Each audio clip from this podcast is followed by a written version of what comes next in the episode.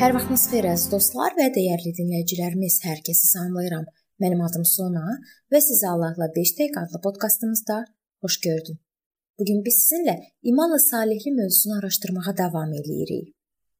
Allahın xilasla bağlı planı nə vaxtsa qarşısını almağın mümkün olmadığı bir səhvin düzəldilməsi üzrə gecikmiş bir plan deyil idi.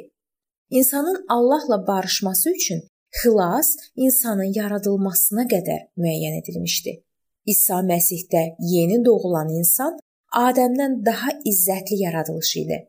Allahın bəşəriyyət üçün yekun planı xalqı onun huzurunda səmalarda əbədi yaşamaq üçün təqdis etmək idi.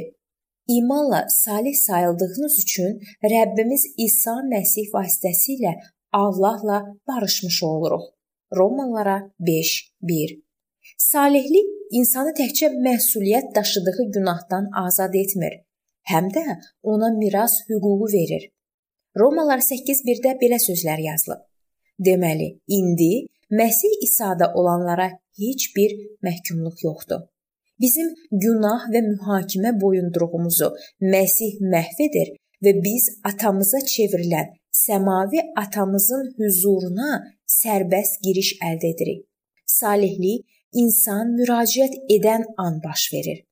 İsa Məsihə və onun özünü qurban verməklə gördüyü işə iman gətirən an Allahdan salihlik alırıq. Amma Məsihə itaətdə olmasaq, imana görə salihliyə iddia edə bilmərik. Bəşəriyyətə olan böyük sevgisinə baxmayaraq, Allah günaha və itaətsizliyə göz yummayacaq. Allahın sevgisi onun ədalətinin əleyhinə heç vaxt getməz. Allah ədalətli olmaqda davam etdiyi üçün o daha izzətli olur. İsa Məsihə iman edən hər bir günahkara salihlik qazandırmaq qərarına baxmayaraq Allah ədalətli olmağa davam etdiyi üçün o daha da şərəfli olur. Bu fikir Romalılara 3:26-da yazılıb. Bəraət imanlı insanları ədalətli və müqəddəs Allah qarşısında salih edir. İbrahim necə salih adam oldu? Gəlin baxaq. Romalılara 4 20-22. Allahın vədinə imansızlıqla şübhə etmədi. Əksinə, imanında möhkəm durub Allahı izzətləndirdi. Tamamilə əmin idi ki, Allah verdiyi vədi yerinə yetirməyə də qadirdir. Buna görə də imanı ona salihlik sayıldı. Martin Luther katolik təliminin əksinə getməklə ayinlər üzərində qurulan özünün imana görə salihlik anlayışına inanaraq ifrata vardı. O yanlış təlimi təlim etməyə başladı. Güya təkcə imanla salihliyə çata bilərmişik. Amma salihliyimiz üçün iman kifayət etmir. O yalnız salihliyi almaq üçün vasitədir. Salihliyimizin özülü İsa Məsihin satın alan qurbanıdır. Salihlik bizə Allahla sülh, həmçinin rahatlıq, Allaha əminlik və qorxudan xilas bəxş edir.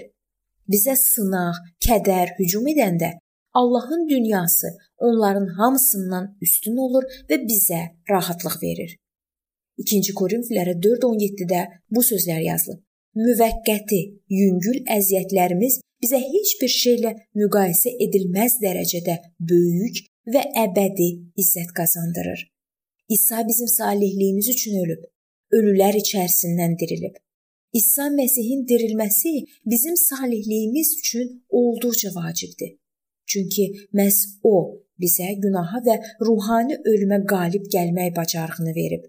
İsa təqsirlərimizə görə ölümə təslim edildi və bizim salih sayılmağımız üçün dirildi. İsa Məsihə imanda salihlik alanların həyatını itayət və xeyirxahlıq müşahidə edəcək. Təqdis və izzət insanın həyatına salihliklə birgə gəlir.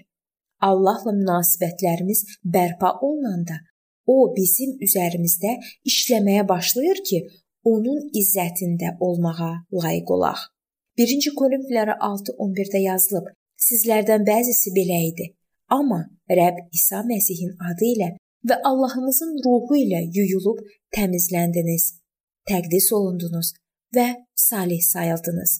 Məsihə itaət edək ki, o bizi onunla əbədi izzəti bölüşəcəyimiz günə hazırlasın.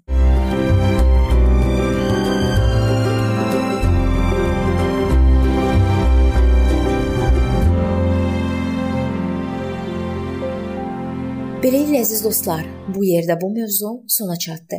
Hər zaman olduğu kimi sizi dəvət edirəm ki, bizim podkastlarımızı Facebook səhifəmizdən və YouTube kanalımızdan dinləməyə davam eləyəsiniz.